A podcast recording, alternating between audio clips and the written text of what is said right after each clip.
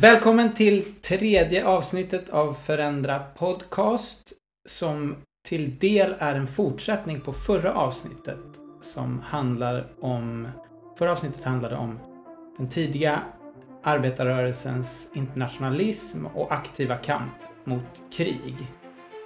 Och då började vi bara komma in lite grann på kriget i Ukraina, det nuvarande kriget i Ukraina. Och vi kände väl att det var viktigt att följa upp det. Ehm, och med mig igen för att diskutera detta har jag Erik Andersson. Hallå då. Välkommen.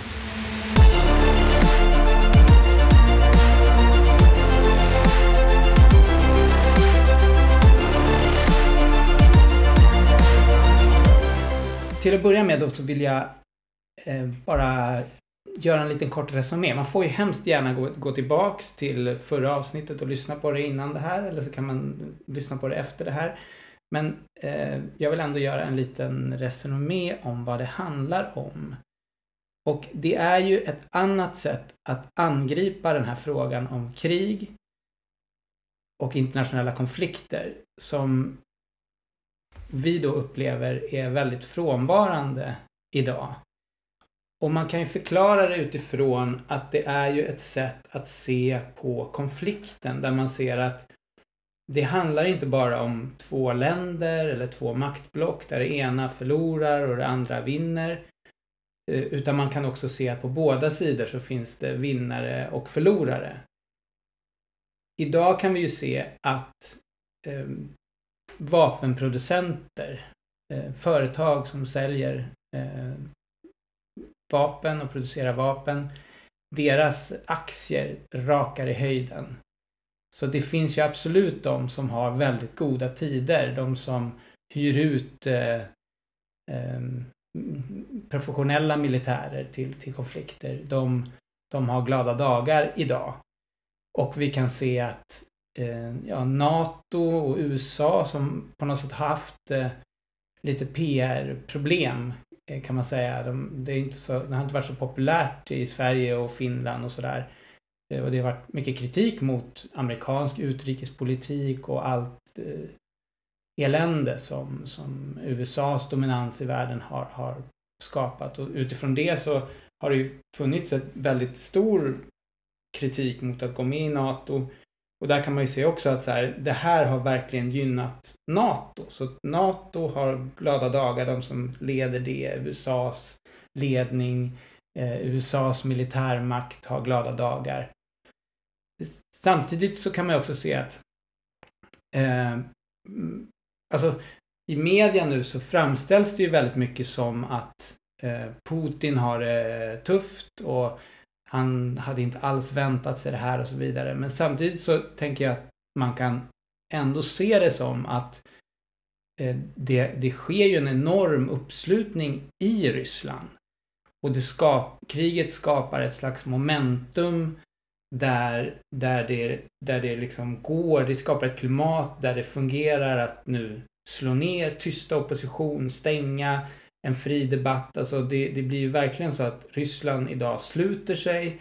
Eh, det, det liksom skapas en enighet och på det sättet så, så sitter ju Putin säkert. Alltså han, har, han får ett mandat och det skapas en sorts dynamik i, i konflikten som, som man kan säga stärker honom. Och det är på något sätt det som liksom den tidiga socialistiska internationella arbetarrörelsen eh, lyfte fram var ju på något sätt att det finns en elit i världen som tjänar på krig, som tjänar på konflikter. Att, att det är liksom inbyggt i själva systemet att, att olika block står mot varandra. Det finns de som tjänar på krig, men de som förlorar på krig är vanliga då, vanliga dödliga löntagare. De som blir utordrade och stå och eh, skjuta på varandra eh, är de som förlorar. Och eh, jag menar med, med sanktionerna som pågår nu så är det ju en massa människor som drabbas av dyra bränslepriser, som drabbas av eh, ja, alltså det, det, det, det, det är ju en ekonomisk kris som breder ut sig inte bara i Ryssland utan också runt omkring i världen till följd av det här. Och på något sätt så är det ju då vanliga löntagare som tydligt drabbas. I det så kan man ju vända på steken och säga att ja men det är ju så många som förlorar på den här, de här konflikterna, på krigen. Det är eh, arbetare, det är löntagare som är de som strider, det är arbetare som är de som, som skapar hela logistiken kring krig, det är de som tillverkar vapnen. Och om vi kan bygga en internationell rörelse som lyfter fram det här gemensamma eh, intresset som, som vanliga löntagare har oavsett i vilket land och oavsett Ryssland eller Ukraina så har vanliga löntagare ett intresse av att stoppa krig. Om vi då bygger organisationer eh, så att arbetarna kan agera kollektivt över nationsgränser så kan vi också stoppa krig. Eh, det är lite de, eh, de perspektiven då som, som den tidiga eh, internationella arbetarrörelsen lyfte fram.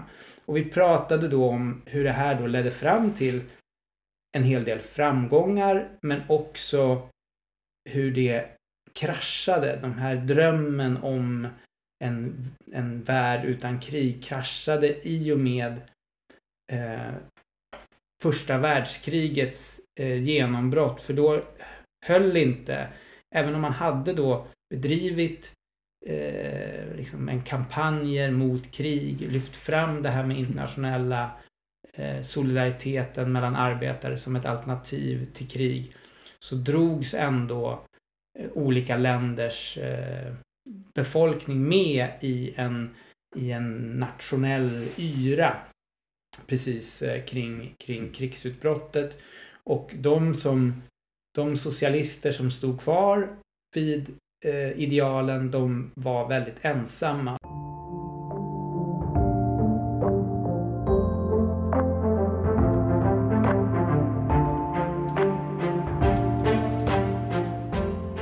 Grejen var att förra gången vi satt här, då hade ju kriget precis eh, brutit ut och vi pratade lite om lite grann som att det här tror vi kommer hända. Det kommer bli någon slags nationalistisk yra. Det kommer bli någon slags uppslutning eh, kring eh, ett annat sätt att se som inte är det här internationalistiska utan som är en uppslutning bakom NATO då som jag var inne på och uppslutning bakom på något sätt militarism. Att, att, att det, det, liksom, det, det blir eh, bara ett sätt på något sätt som presenteras som, som det sättet som det går att lösa det här på.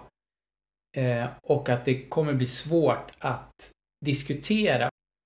Som exempel då på hur, vad som har hänt med det politiska klimatet i Sverige så kan man ju då säga att det, det är ju liksom en dramatisk omsvängning eh, i till exempel då vår neutralitet eller man säger att vi har sen, sen tidigare då haft som linje att Sverige ska inte skicka eh, vapen då till krigförande länder.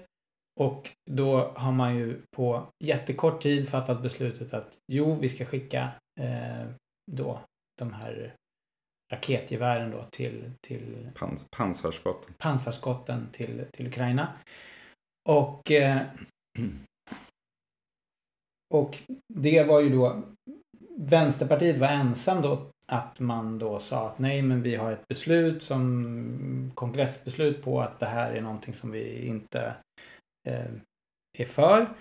Eh, men de fick ju enormt eh, mothugg då från, från allmän, från opinionen, medlemmar och så vidare som kritiserade det här. Så att jättesnabbt bytte man ju fot och sa att jo, vi är också mm. för det här. Det är liksom ganska tydligt. Och sen kan man säga att ja, ja, det, är, det är intressant då hur en, en socialdemokratisk vänster har gått ut, alltså de som annars som Daniel Suonen då, som annars är den som liksom tydligt utmärker sig som, som en eh, opponent på vänsterkanten. Han går ut och säger att nu är han liksom för att Sverige kanske ska gå med i NATO. En annan eh, är Peter Gustafsson som också är en sån här socialdemokratisk vänsterdebattör. Så man liksom ser ju hur, hur liksom den politiska eh, spektrat på något sätt kry, krymper ihop så att vi alla tycker samma sak. Och problemet tänker jag också är ju själva debattklimatet hur, hur det känns som att utrymmet för att uttrycka andra åsikter blir väldigt litet och att det blir väldigt mycket det här att man lätt blir anklagad här för att så här, vara lurad av Putin-propaganda och det, det, det är liksom, du är en svikare på något sätt om du inte ställer upp på en typ av verklighetsbeskrivning och ett sätt att agera i den här situationen. Ja, eller till och med att det kan vara opassande att säga saker, beskriva saker som är sanna om liksom, problem med eh, fascistiska grupperingar i Ukraina för att det tjänar Putins och Rysslands intressen och sådär. Och det är också, var drar man den gränsen för eh, vad man inte får säga? Det tror jag också är rätt problematiskt om man tänker kriget som var på Balkan där det begicks övergrepp från flera olika håll. Och ofta är så i, i många krig och inbördeskrig att, att det, det finns väldigt mycket att kritisera och övergrepp. Eh, även om, även till och med i en situation där det är uppenbart att en, en sida är i underläge och blir angripna och så. Eh, så, eh, så finns det ofta skäl att kritisera saker. Men jag tycker, något jag tycker är lite fascinerande med de sådana här veckor är att det känns som att de är så oerhört intensiva. Och det är liksom, eh, jag tycker att redan efter en vecka eller så efter krigsutbrottet så tyckte jag att det ändå började relativt bli mer nyanser och ändå lättare att diskutera. Och sådär, att det var väldigt chock i början. Eh, och det fanns ju sådana, men ändå, jag tyckte ändå det var rätt skönt när Magdalena Andersson gick ut och sa att ja, men det är inte aktuellt för oss att gå med i NATO. Och så var det ju då bara dagen efter så såg jag på SVT så med rubrik att Magdalena Andersson står fast vid sitt NATO-uttalande. Som att hon skulle liksom hon har fått så mycket kritik så att det var så här, ja, har hon, står hon fortfarande fast 24 timmar senare vid att hon inte vill gå med i NATO? Men det kändes för mig lite så här som en av de första tecknen på att det var så okej okay, men det kanske finns någon någon gräns för så här hur mycket militarism, hur mycket konfrontation man bara kan köra på. Det har ju också varit där med när Jens Stoltenberg, då NATOs eh, generalsekreterare, ja, men, gick ut och eh, Eh, uttalat sig mot det här då, idén om en så kallad no-fly zone som ju blivit populärt både att prata om i, när det gäller Libyen och Syrien och så. Och som ju låter rätt eh, fint. Det är lite så här Orwellskt ord att det är så här no-fly zone. Det är inga som flyger där. Men i det, här då, fall, i det här fallet så är det ju en massa ryska flygplan som är över Ukraina. Och för att få bort dem så måste man ju skjuta ner dem. Och då eh, helt korrekt och liksom som någon sånt eh, ändå hade visat sig ha något slags förnuft så var ju liksom NATOs generalsekreterare, den här liksom ändå krigsallians och sa men det här skulle leda till tredje världskriget om vi skulle ge oss in i luftrummet över Ukraina. Eh, men det, det skulle man ju också i princip kunna argumentera ifrån utifrån den här moral, moral logiken om att vi måste göra allt för att Ukraina ska kunna försvara sig, kosta vad det kosta vill. Så, jag tycker ändå att det har, det har liksom börjat luckras upp lite grann. Jo, jag, jo. jag, tror att det, nu har det också börjat mer med att man pratar om att ändå förhandlingarna mellan Ryssland och Ukraina har börjat gå framåt. Och någonstans så kommer ju det här kriget på ett eller annat sätt eh, ta slut. Eh, vilka villkor det nu blir på är liksom omöjligt att sia om.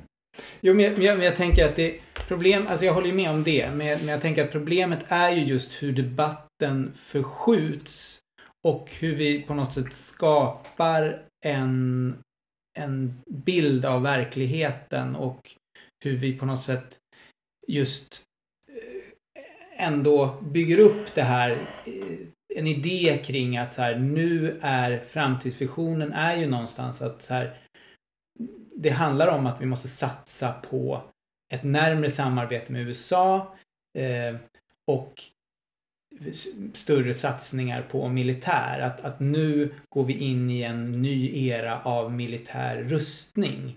Och det är liksom ingenting som vi kan styra över utan det är i grunden gott. För det är så den verklighet vi lever i.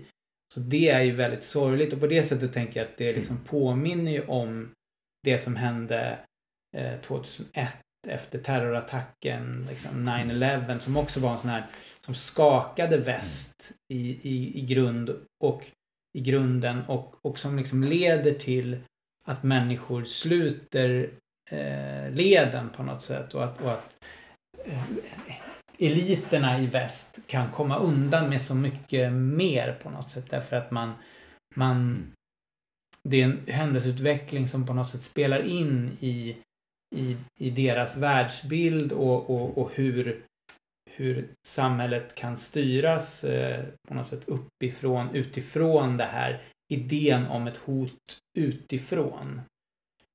Eh, och, och jag, jag tänker jag ska, jag ska exemplifiera lite. Det här är en artikel då av Daniel Svedin från Arbetet.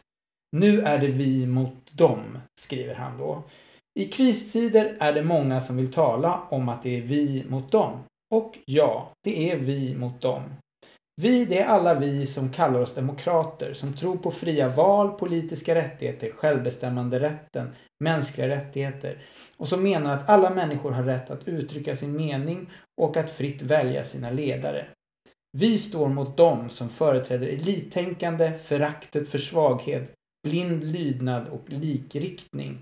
Och sen handlar det vidare då om hotet från Rysslands eh, liksom, propaganda eh, rysk propaganda som, som vi då är utsatta för. Eh, och det, här går det vidare då om ah, just angående eh, media då. I höjd med angreppen i Ukraina 2014 satte Ryssland igång en aggressiv desinformationskampanj riktad mot andra europeiska stater för att etablera bilden av nazister som styr Kiev och ryssar som förföljs av den ukrainska staten. Samtidigt har Ryssland försökt prångla ut bilden att Ryssland är omringat av NATO och att militäralliansen expanderar österut. Detta för att motivera och försvara de ryska folkrättsbrotten. Jag kan bara säga en reflektion att det är intressant att han beskriver det som någon slags eh, eh propaganda, rysk propaganda att NATO har expanderat eh, österut med tanke på att det ändå är något slags eh, objektivt eh, verifierbart faktum att eh, NATO har expanderat eh, österut liksom. Från eh, murens fall och framåt. Så 14 har ju NATO växt med 14 medlemsländer. Så att det ja. blir också lite det här att allting som, även om någonting skulle vara sant, så om det gynnar eh, Putins propaganda så är det liksom oacceptabelt att, att säga det eller ha det som en del av en analys på något sätt. Även om man är eh, liksom eh, extremt kritisk mot Rysslands krig och vill, vill få bort Putin till varje pris så är det liksom här ska det inte finnas några nyanser som kan tjäna fienden liksom. Lite den logiken så. Och jag, jag, och jag tänker att precis likadant som det var liksom med 9-11 så blir det just en risk att man du, du får liksom inte eh, prata om orsaker. Du får inte resonera om en historia. Vad är den historiska bakgrunden till det här som har hänt? För då är du illojal på något sätt. Utan, utan du, du ska bara prata om så att det här är ren skär ondska. För att om du börjar prata om orsaker då ursäktar du eh, det här som har hänt. Då, då, då, då, då förstår du Putins position och då liksom går du Putins ärenden på något sätt. Ja, eller liksom Osama bin Laden som de också i USA kunde säga. Liksom. Han hatar vår frihet. Och ja. eh, han, han hatar ju frihet liksom. Men eh, det är liksom inte slutpunkten av en analys av varför den har uppstått som fenomen. Liksom. Mm. Eh, och eh, sen har jag också eh, Somar Al-Naher som skriver i Aftonbladet.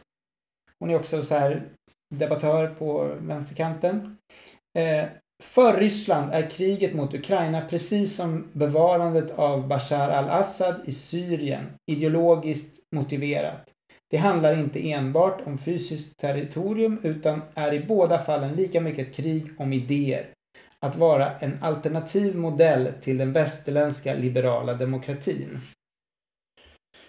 Och här tänker jag att det liksom det är just det här att du, du skapar eh, en världsbeskrivning där du har liksom en demokratisk sfär som på något sätt omfamna, omfattar på något sätt hela väst, den västliga sfären. Liksom hela NATO, hela liksom väst, USA och så vidare ingår i en, i en sfär som är demokratisk och, och det är viktigt att vi framställer dem som demokratiskt och att vi det liksom återkommer just det här att vi, vi ser hotet mot demokratin kommer utifrån. Det är någonting annat som kommer. Och just i det här fallet om man pratar om Syrien så blir det ju liksom lite märkligt då när man säger att så här, eh, att Assad, alltså det är ju ett inbördeskrig som har pågått i Syrien. Till stor del har det varit Islamiska staten å ena sidan som har stått mot eh, eh, Assad då.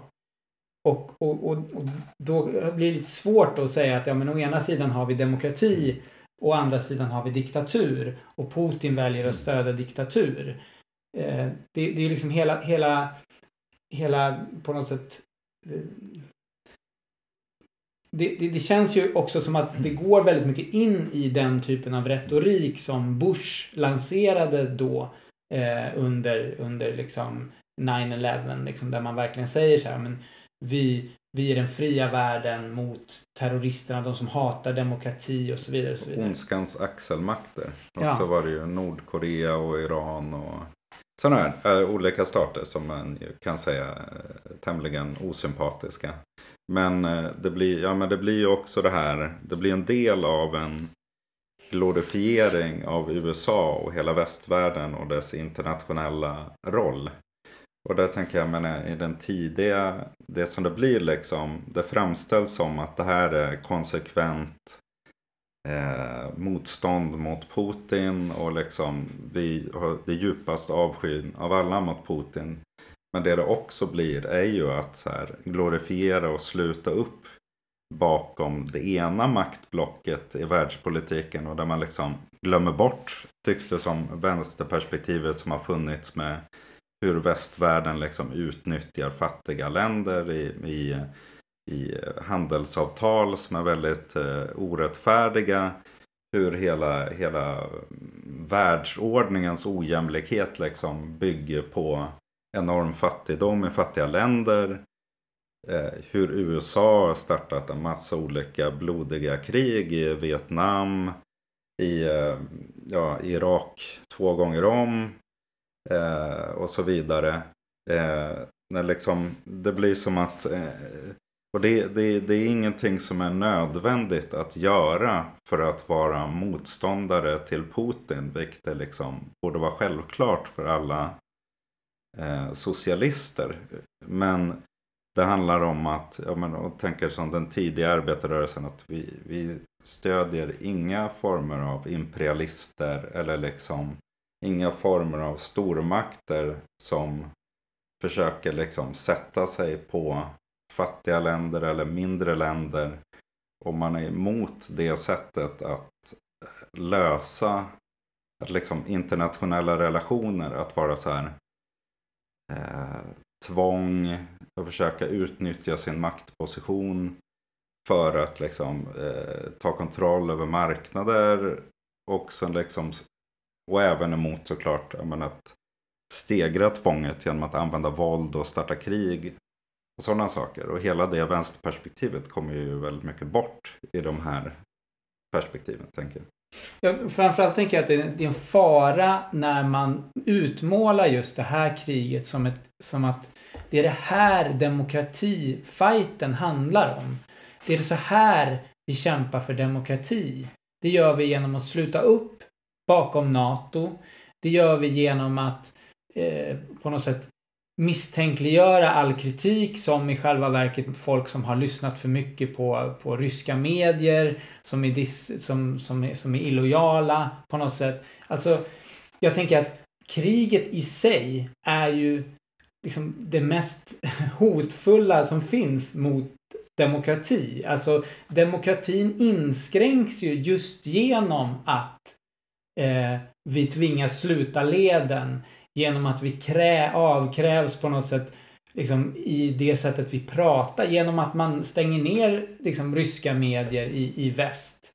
Det, det, det, är ju på något sätt en process av avdemokratisering som pågår nu. Både i väst och i eh, öst.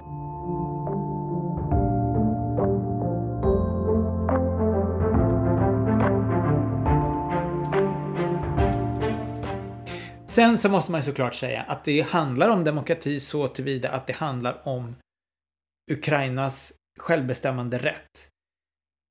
Och det handlar om att ryska soldater har gått in i Ukraina och kränker eh, människors rätt att själva bestämma och eh, de har absolut rätten på sin sida att försvara sig mot det här angreppet. Men frågan är också vad som är bästa sättet för ukrainarna att nå vad de vill ha. Och då är det viktigt att lyfta fram att det militära motståndet är inte den enda formen av motstånd. Och det finns ju också väldigt många exempel i det här kriget på att ukrainare går ut och eh, konfronterar, möter militären, försöker stoppa militärkonvojer utan vapen. I det här så pratar man med militären om, och ger dem andra bilder, försöker övertyga soldaterna. Och det ger ju soldaterna som kommer in i, i Ukraina andra bilder, andra verklighetsbeskrivningar än de som soldaterna får uppifrån från den egna militärledningen. Och det finns också massa exempel på i områden där eh, ryska eh, soldater har tagit över eh, och det militära motståndet har upphört så fortsätter ju ändå motståndet på olika sätt genom civil olydnad. Och i många fall så kan ju den här typen av motstånd vara mycket mer effektivt eftersom det är ett motstånd som, som på ett annat sätt kan vinna sympati från eh, de ryska trupperna. Och som gör dem mer ovilliga att, att kriga. Och det här tänker jag är ett problem, eller vad man ska säga, i alla krig. Att människor har ju ofta en instinkt att man vill inte döda andra människor. Och det här är någonting som så att säga propagandan och jag menar, ja, militärledningen och så vidare måste på något sätt sudda bort den här instinkten hos människor. Eh, och där är ju just den här våldsspiralen som finns i kriget inrymmer ju det att, att soldater som är motståndare, själva är motståndare mot kriget, de tvingas ju ändå ty sig till de, de egna och agera rationellt utifrån situationer som handlar om att antingen dör jag eller så måste jag döda någon annan. Utifrån det här så vill jag lyfta fram hur viktigt det är att snabbast möjligt förhandla fram ett fredsavtal. Men att i och med det, att, att avtalet, att det sluts innebär ju liksom inte ett, ett slut på konflikten. Det innebär inte att kampen för eh, ukrainarnas självständighet och kampen mot Putin eh, upphör utan tvärtom så skulle ju en fred innebära mycket bättre möjligheter att bedriva den här kampen. Genom politisk organisering, genom kamp på gator och torg och genom strejker. Konflikten mellan demokrater och icke-demokrater går inte i första hand mellan olika länder utan just mellan basen i samhället och olika eliter som tjänar på nationella konflikter som ett medel för att upprätthålla sin egen makt.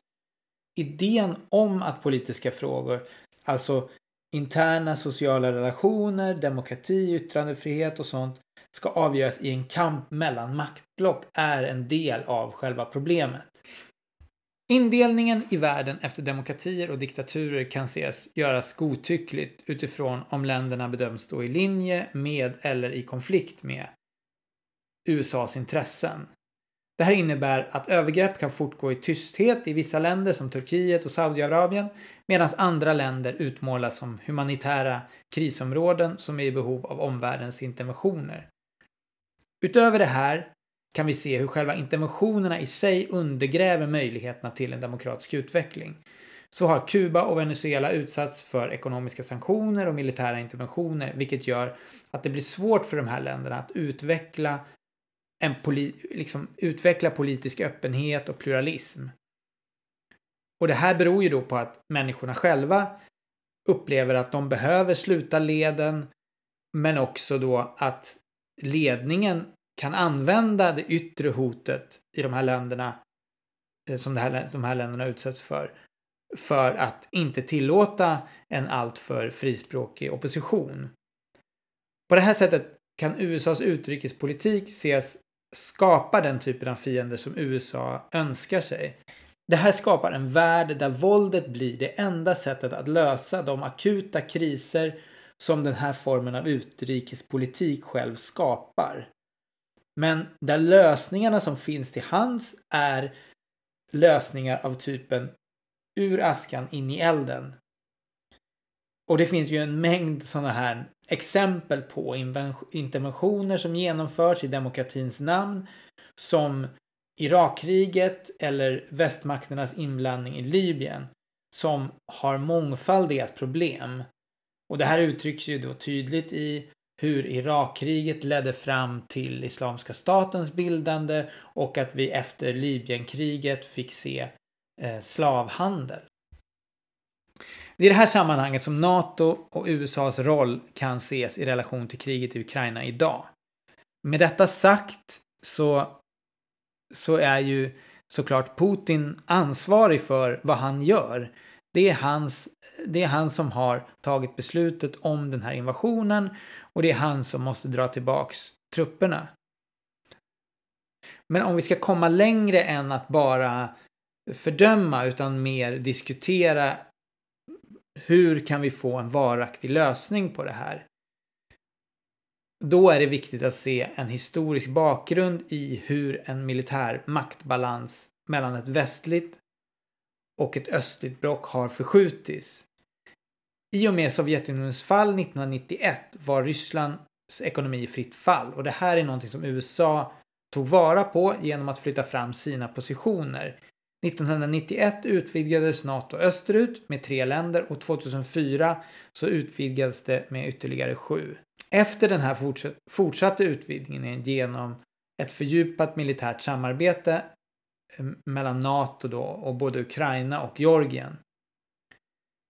Det här innebar att en ordning som byggde på ömsesidig militär återhållsamhet mellan öst och väst, att den ordningen bröts. Och det här var inte helt eh, okontroversiell politik i USA.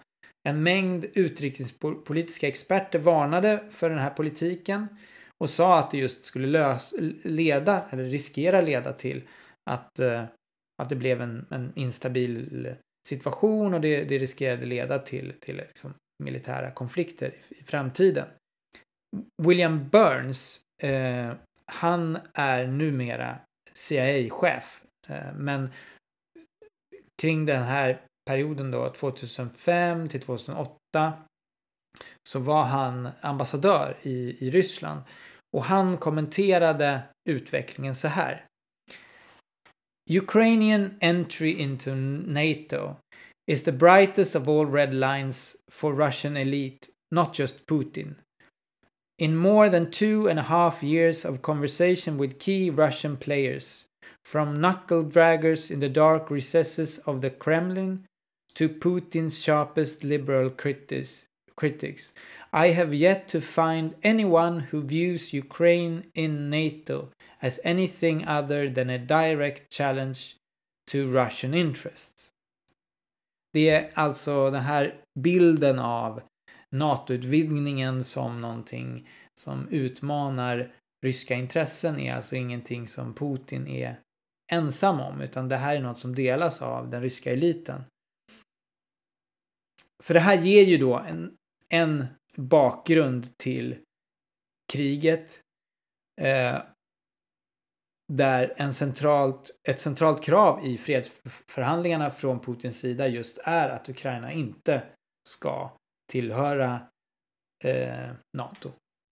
Och med det, Erik, får du gärna ta över och berätta om bakgrunden till kriget inom ramen för Ukraina. Ja, man kan väl börja då när det självständiga då, eh, moderna Ukraina bildades då efter Sovjetunionens sammanbrott.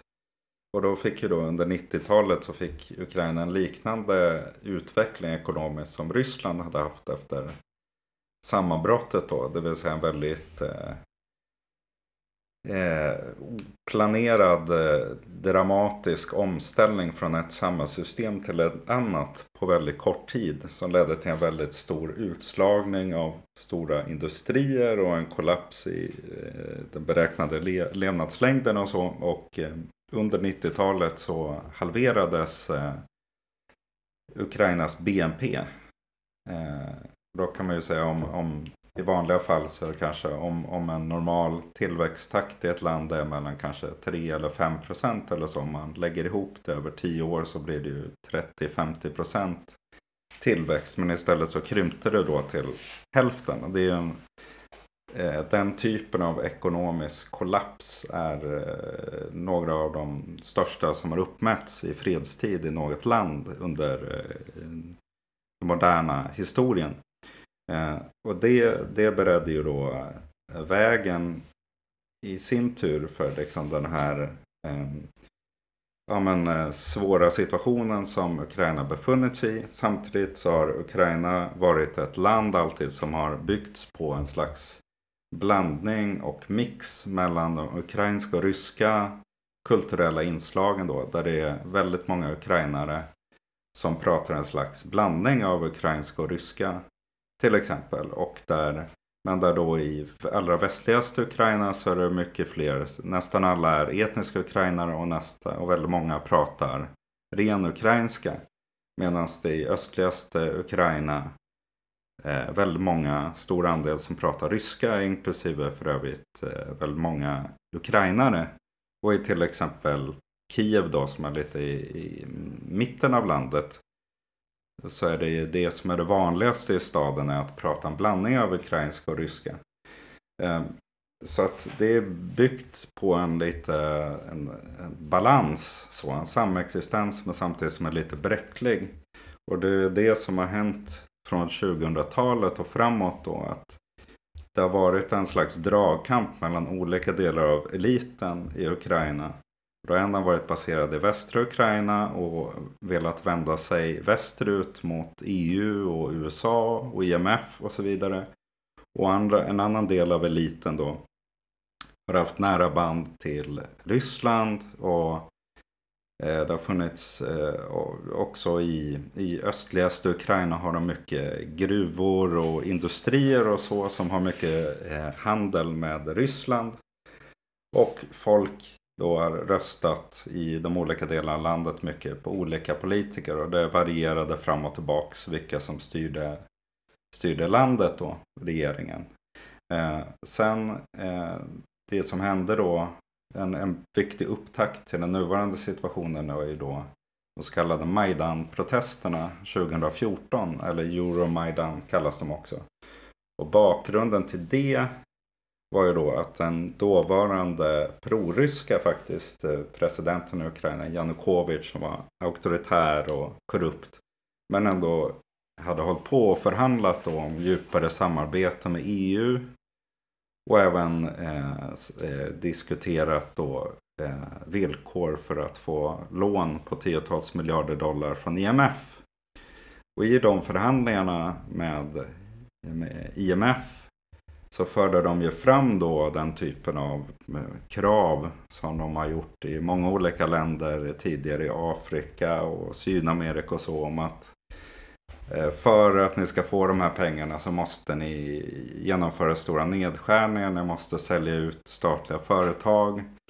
Och till exempel så hade man också Ukraina då som ett väldigt fattigt land med låga inkomster så hade man eh, subventioner på då, folks gaspriser. Och då så ville man att man gradvis skulle avskaffa de subventionerna vilket skulle ha lett till en 50-procentig ökning av gaspriserna då som en del av en övergång till en ren fullödig eh, marknadsekonomi utan några former av regleringar och så. Och det här det såg ju ut ganska länge som att ändå Janukovic trots att han var prorysk skulle underteckna avtal och sånt. samarbete med EU och väst. Men i slutändan eh, så tillkännagav han då kort innan Majdan-protesterna bröt ut att han inte tänkte underteckna de här avtalen och menade att det var orättvisa villkor och sådär. Eh, och det var ju det då som ledde till stora protester i Kiev bland då eh, människor som ville att man skulle närma sig till, till EU och så. Och även delvis ja, men, eh, nationalister och i viss mån ja, också rena fascister och så som eh, från ett liksom ukrainskt extremnationalistiskt perspektiv ville bryta till varje pris med, med Ryssland. Så att det är ett exempel. Och samtidigt då så, så att Ukraina på sätt och vis drogs i ena armen av IMF, IMF och västmakterna då. Och att de skulle in i den sfären på ganska orättvisa eller tämligen orättvisa villkor.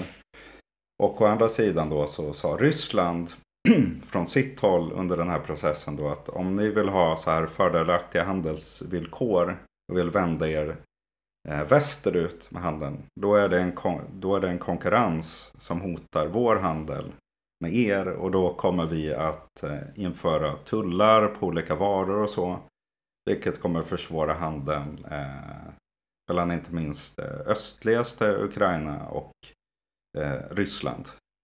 Eh, så att och det var ju också då någonting som påverkade att eh, stora delar av eliten i östra Ukraina då såg att deras handel med Ryssland riskerade att bli hotad av det här. Så jag menar att det är ett exempel då på hur de olika stormakterna då liksom var med och drev eh, Ukraina isär.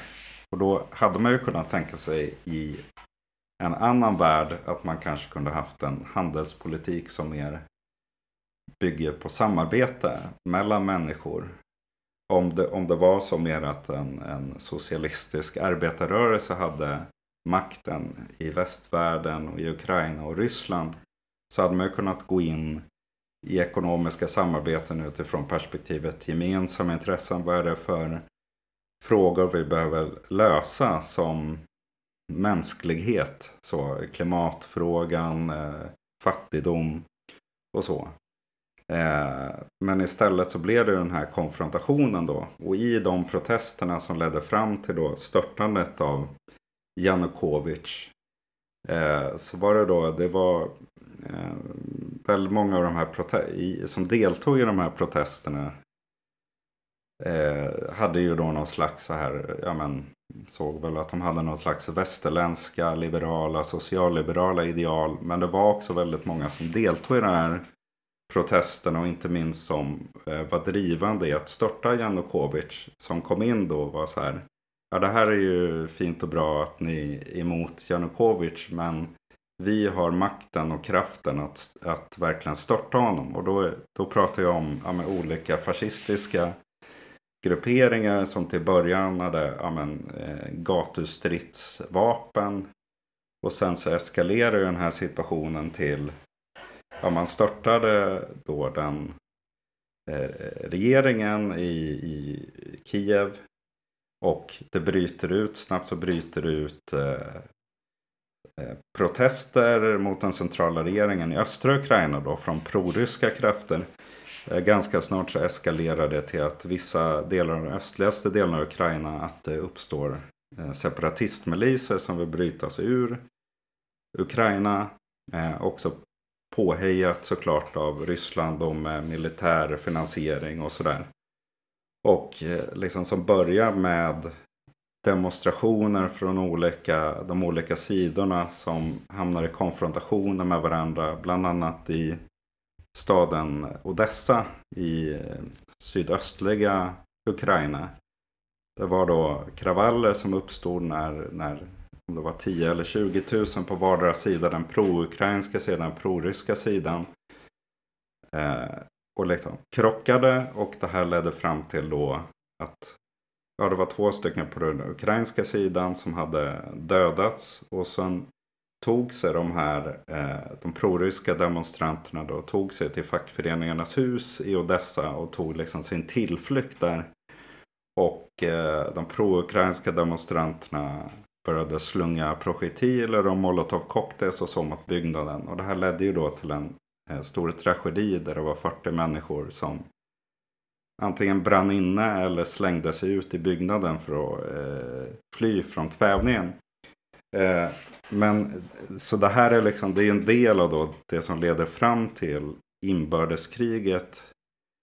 Eh, kombinationen av inbördeskriget och ett slags så här eh, krig genom ombud mellan de ukrainska styrkorna stödda av väst och de separatistiska styrkorna stödda av Ryssland.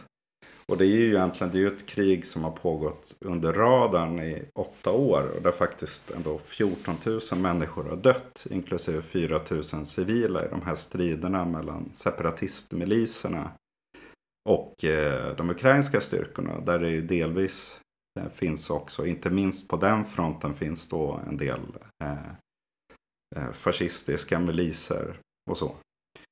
Eh, så det har ju pågått länge och det, är ju, det kriget är ju någonting som Putin verkligen har försökt att utnyttja maximalt i Ryssland för att motivera den här krigsinsatsen. Och försökt att ge ryssar en bild av att våra ryska eh, kamrater i, i östra Ukraina, de är under angrepp av de här extremistiska eh, miliserna och vi måste gå in där för att skydda dem. Att det här är ett försvarskrig liksom. Eh, jag, men, jag, jag, tänker ja. att det här är ju verkligen någonting också som är liksom svårt att här, diskutera. Att det verkligen är så här, otroligt polariserat när man diskuterar det här. Att så här, det finns två läger. Så här. Ena läget säger så här. Ja men USA riggade den här kuppen. De här eh, orangea revolutionerna liksom. Det är liksom den ena sidan som säger det och den andra sidan säger eh, ja, det var liksom Ryssland gick in och riggade och liksom såg till att det blev separatism i den här delen. Och liksom båda sidorna kan ju liksom diskuterar inte människor på gatan som subjekt som tänker själva, som gör saker själva, som är delaktiga utan det framstår bara som att så här, ja, på, på ett sätt är det väl så liksom att så här, eh, Ukrainas folk är ju bönder liksom som flyttas liksom och som utnyttjas.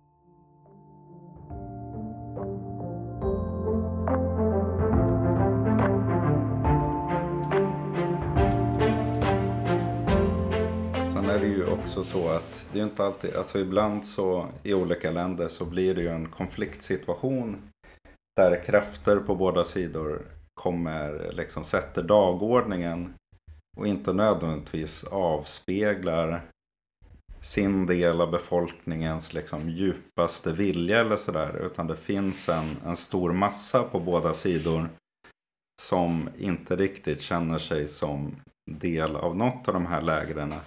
Och det är ju en viktig poäng när det gäller Ukraina att förstå att så här, ja men, Ukraina är inte så att ja, här är ukrainare och de är 100% ukrainska och här är ryssar och de är 100% ryska. Utan liksom det är en blandning.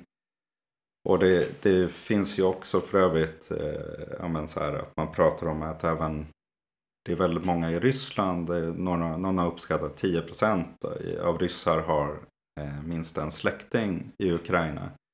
Så det finns ju en massa kopplingar.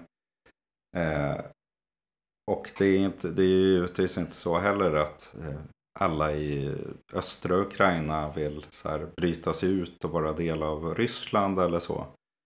Eh, men man behöver göra en analys av varför det efter Majdan-protesterna blev möjligt för den här väpnade separatistiska rörelsen att uppstå i östligaste Ukraina och hur man lyckades bryta ut en del ifrån Ukraina. Eh, och det, det tänker jag att, att det är också en del av att det finns, det finns två delar av eliten i Ukraina som har stridit mot varandra.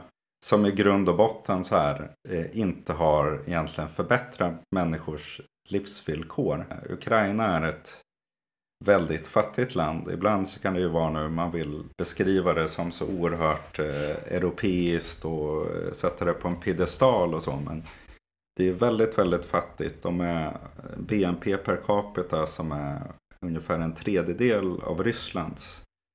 Och det är ett land också som enligt eh, olika experter på korruption är ett av de mest korrupta länderna i världen. Så man har där, oavsett om det varit proryska eller provästliga regeringar så har det varit en väldigt stor korruption och misskötsel. Det är ju inte en avspegling av att ukrainarna de är korrupta eller de liksom sådär. Utan det är ju den här eliten som har styrt. Och det är ju så kan man ju se egentligen i många länder i världen. De senaste 20-30 åren har ju folk haft en känsla av att de som är vid makten oavsett vilka som är där förbättrar inte vår situation. Och det finns en ganska stor cynism. Och det är generellt är det lågt valdeltagande i Ukraina, kring 50 procent. Och på senare år har det varit runt 25-35 procent i östra Ukraina. Eh, vilket ju avspeglar att man har haft en mindre identifikation eh, med den centralmakten och så. Men man kan ju också se att på de senaste åren och den senaste valen att då Zelensky som ju har fått väldigt mycket uppmärksamhet nu, Ukrainas president. Att han eh, bildar ju ett parti eh, som väldigt mycket fokuserar på kampen mot korruptionen. Och han är ju egentligen, har ju inte profilerat sig i ett västukrainskt sammanhang som att han är någon som är extra konfrontativ på något sätt mot rysktalande eller så. Men däremot så finns det ett problem med att man har eh, de här olika fascistiska miliser som även om de inte representerar en stor del av befolkningen ändå har en stor makt genom att de har en stor, eh, de har en stor offervilja. De är välorganiserade och disciplinerade. Och till exempel den eh, nazistiska Azov-bataljonen har varit eh, enligt många bedömare väldigt viktiga. Inte minst i kriget i Donetsk och i östra Ukraina på den fronten. Och eh, olika sådana här fascistiska krafter liksom, de, de, finns där i bakgrunden och är eh, ständigt en risk också för en sån som Zelensky. Att, då, att man kan anklagas för att vara otillräckligt patriotisk, otillräckligt konfrontativ mot rysktalande och ryssar. Eh, och det har ju genomförts på senare år, har det genomförts, framförallt innan Zelensky kom till makten, eh, eh, olika lagar då till exempel om, som begränsar användningen av det ryska språket. Och då är då ryska språk det är någonting som det är ungefär 50-50 vilken mån ukrainska medborgare använder ukrainska eller ryska. Och då stiftade man en lag för några år sedan som sa att eh, eh, oavsett vad det är då i, i eh, butiker, restauranger, i, överallt i offentligheten så ska man alltid tilltala kunder och människor som kommer och besökare och sådär på ukrainska. Och så var det då lite finstilta så stod det ju då att ja, om personen uttryckligen ber om att få prata ryska så ska den få göra det då. Eh, och så är det ju så i realiteten Eh, så är det, är det många som, som liksom mm, eh, är etniska ukrainare som säger att ukrainska är deras modersmål som i realiteten blandar in en massa ryska i sitt språk eller bara pratar helt ryska. Så det är inte så att det inte pratas ryska i realiteten. Men det här kan ändå ses som en av flera signaler från centralmaktens sida om att Eh, det ryska språket och det ryska kulturella uttrycket. Det är liksom det är inte önskvärt att det ska förekomma. Det är någonting som man behöver, borde trycka ner. Och det tror jag är någonting som har utnyttjats av, av Putin och eh, av Ryssland. För att skapa den här stämningen, inte minst i Ryssland, av att de rysktalande är under, under angrepp. Så. du, du, du har liksom en, en liksom, ja, nazistisk bataljon, heter det så? Bataljon. Mm. Eh, som man då är beroende av. Man är på något sätt beroende av så många som möjligt som, som ska kämpa. Samtidigt så är det klart att det undergräver ju liksom på ett sätt måste det ju undergräva en enighet. Jag vet inte, hur, hur, vad, vad, innebär det liksom? Det, det, det, finns ju, jag menar homosexuella som är med och kämpar och mm. feminister eller vad det nu är för någonting som, som de som råkar illa mm. ut liksom för de här nazisterna. Hur, hur går det ihop liksom med ett, ett krig? Eh, att, att, att liksom, ja, å ena sidan så kämpar vi för samma sak, å andra sidan så det finns väl, det finns väl vissa paralleller, det är väldigt olikt. Men ändå så här tänker jag till Syrien och så. Där det funnits, ja, men börjar kanske med protester där folk verkligen vill ha en så här eh, typ socialliberal demokratisering av samhället och sådär. Och så kommer olika sådana här islamistiska krafter och mer och mer extrema. Och samtidigt så blir det då eh, i viss mån så här en samexistens av att vi är ju alla emot Assad. Och så. Och samtidigt som man har de här krafterna som riskerar att bli ett hot mot en själv. Liksom. Man kan bli tillfångatagen av angripen av dem om man inte håller sig inom gränserna och sådär. Det, det, är svårt att bedöma den exakta styrkan som de här olika fascistiska grupperingarna har. Eh, men de har ju bland annat då i Kiev är ju ett exempel på en av de här grupperna som S14 eller skrivs också C14 då. Eh, beroende på vilket eh, alfabet. Eh, och de har ju då haft kopplingar till fascistiska partiet Svoboda som eh, för inte så länge sedan hade 13 procent av rösterna. Nu reducerats till mycket mindre stöd. Och den organisationen har ju då sysslat med patrullering av eh, Kievs gator då.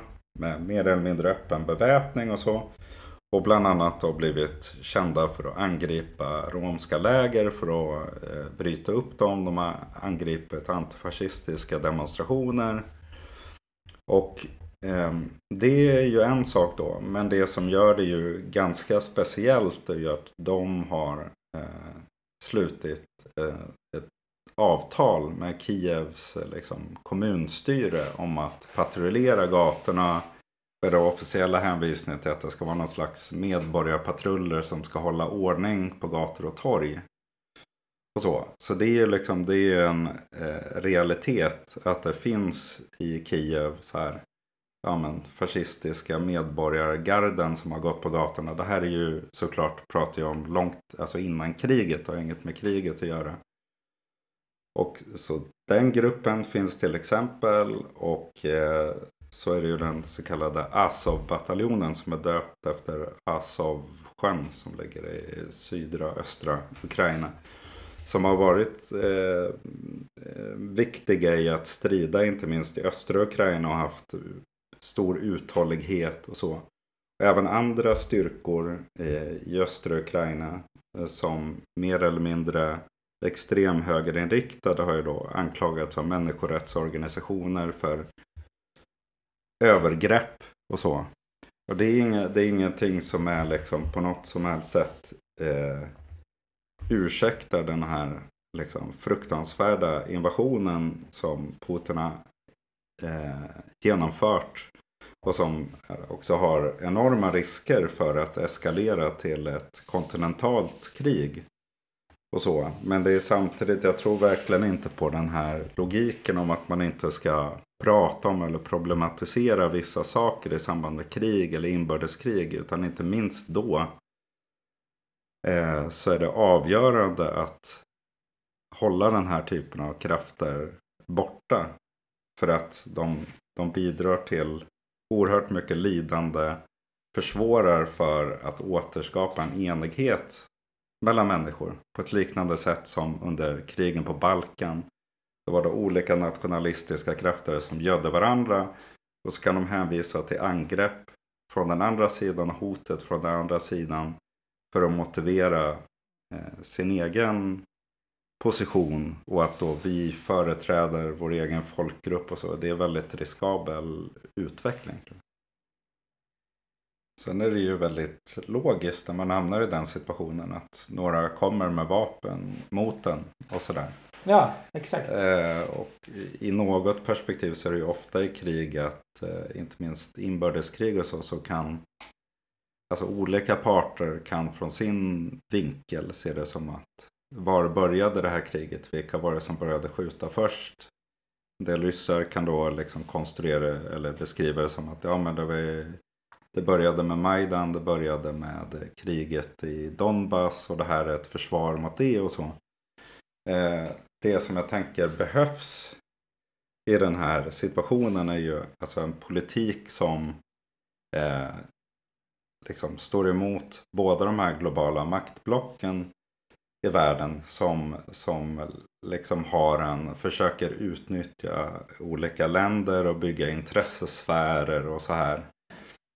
Och i slutändan så tänker jag att målet som man strävar efter är en värld som fungerar på ett helt annat sätt. Där det är men, samarbete mellan människor över gränserna utifrån de gemensamma intressena som inte är liksom att eh, skapa så mycket vapen som möjligt för att spränga människor i, liksom, i luften och döda varandra. Utan positiva saker som man kan skapa gemensamt. Men jag tänker då att eh, längs vägen dit så måste man hitta ett sätt att hantera den världsordning vi lever i. För att eh, förhindra väldigt destruktiva och farliga storskaliga krig mellan de olika stormakterna och förhindra att de olika stormakterna eh, vänder olika delar av länder mot varandra i, i destruktiva inbördeskrig som leder till väldigt mycket lidande. Och på något sätt försöka skära igenom det och säga så här, men vad är det som någon i grund och botten vinner på det här krigandet. Oavsett om det är Balkan eller Ukraina eller Syrien. Vad är det när, när röken har lagt sig? Vad har det tjänat till? Så. så jag tänker att man måste hitta ett sätt att börja där man börjar vända den spiralen. Eh, och måste börja få in det här det internationella och internationalistiska perspektivet igen. Även om det liksom tycks mot mot alla odds. Men jag tror att det samtidigt kan bli i förlängningen om den här situationen fördjupas med de internationella konflikterna. Att det kan bli en slags återuppväckande av den här fredsrörelsen. För att man, det är för första gången på länge som vi verkligen ser ett sånt riktigt existentiellt hot mot världsfreden. Så. Och eh, insatserna är så oerhört höga. Både gäller den ekonomiska krigföringen som förs mellan de olika sidorna och den militära upptrappningen. Så man måste ju hitta ett, ett sätt att komma ur den spiralen och eh, sätta den gemensamma kampen i fokus. Mm. Ska vi sluta där? Ja. Tack Erik för dina kloka ord. Och tack till dig som har lyssnat. Förändra Podcast finns på Facebook och på Instagram. Följ och gilla podden där och skriv gärna dina tankar kring det här avsnittet. Har du idéer om vad framtida program ska handla om, kanske någon jag borde samtala med, så hör av dig till podden på Facebook eller Instagram. Du kan också mejla till forandrapodcast@gmail.com. Förändra Podcast har också en hemsida, forandrapodcast.wordpress.com.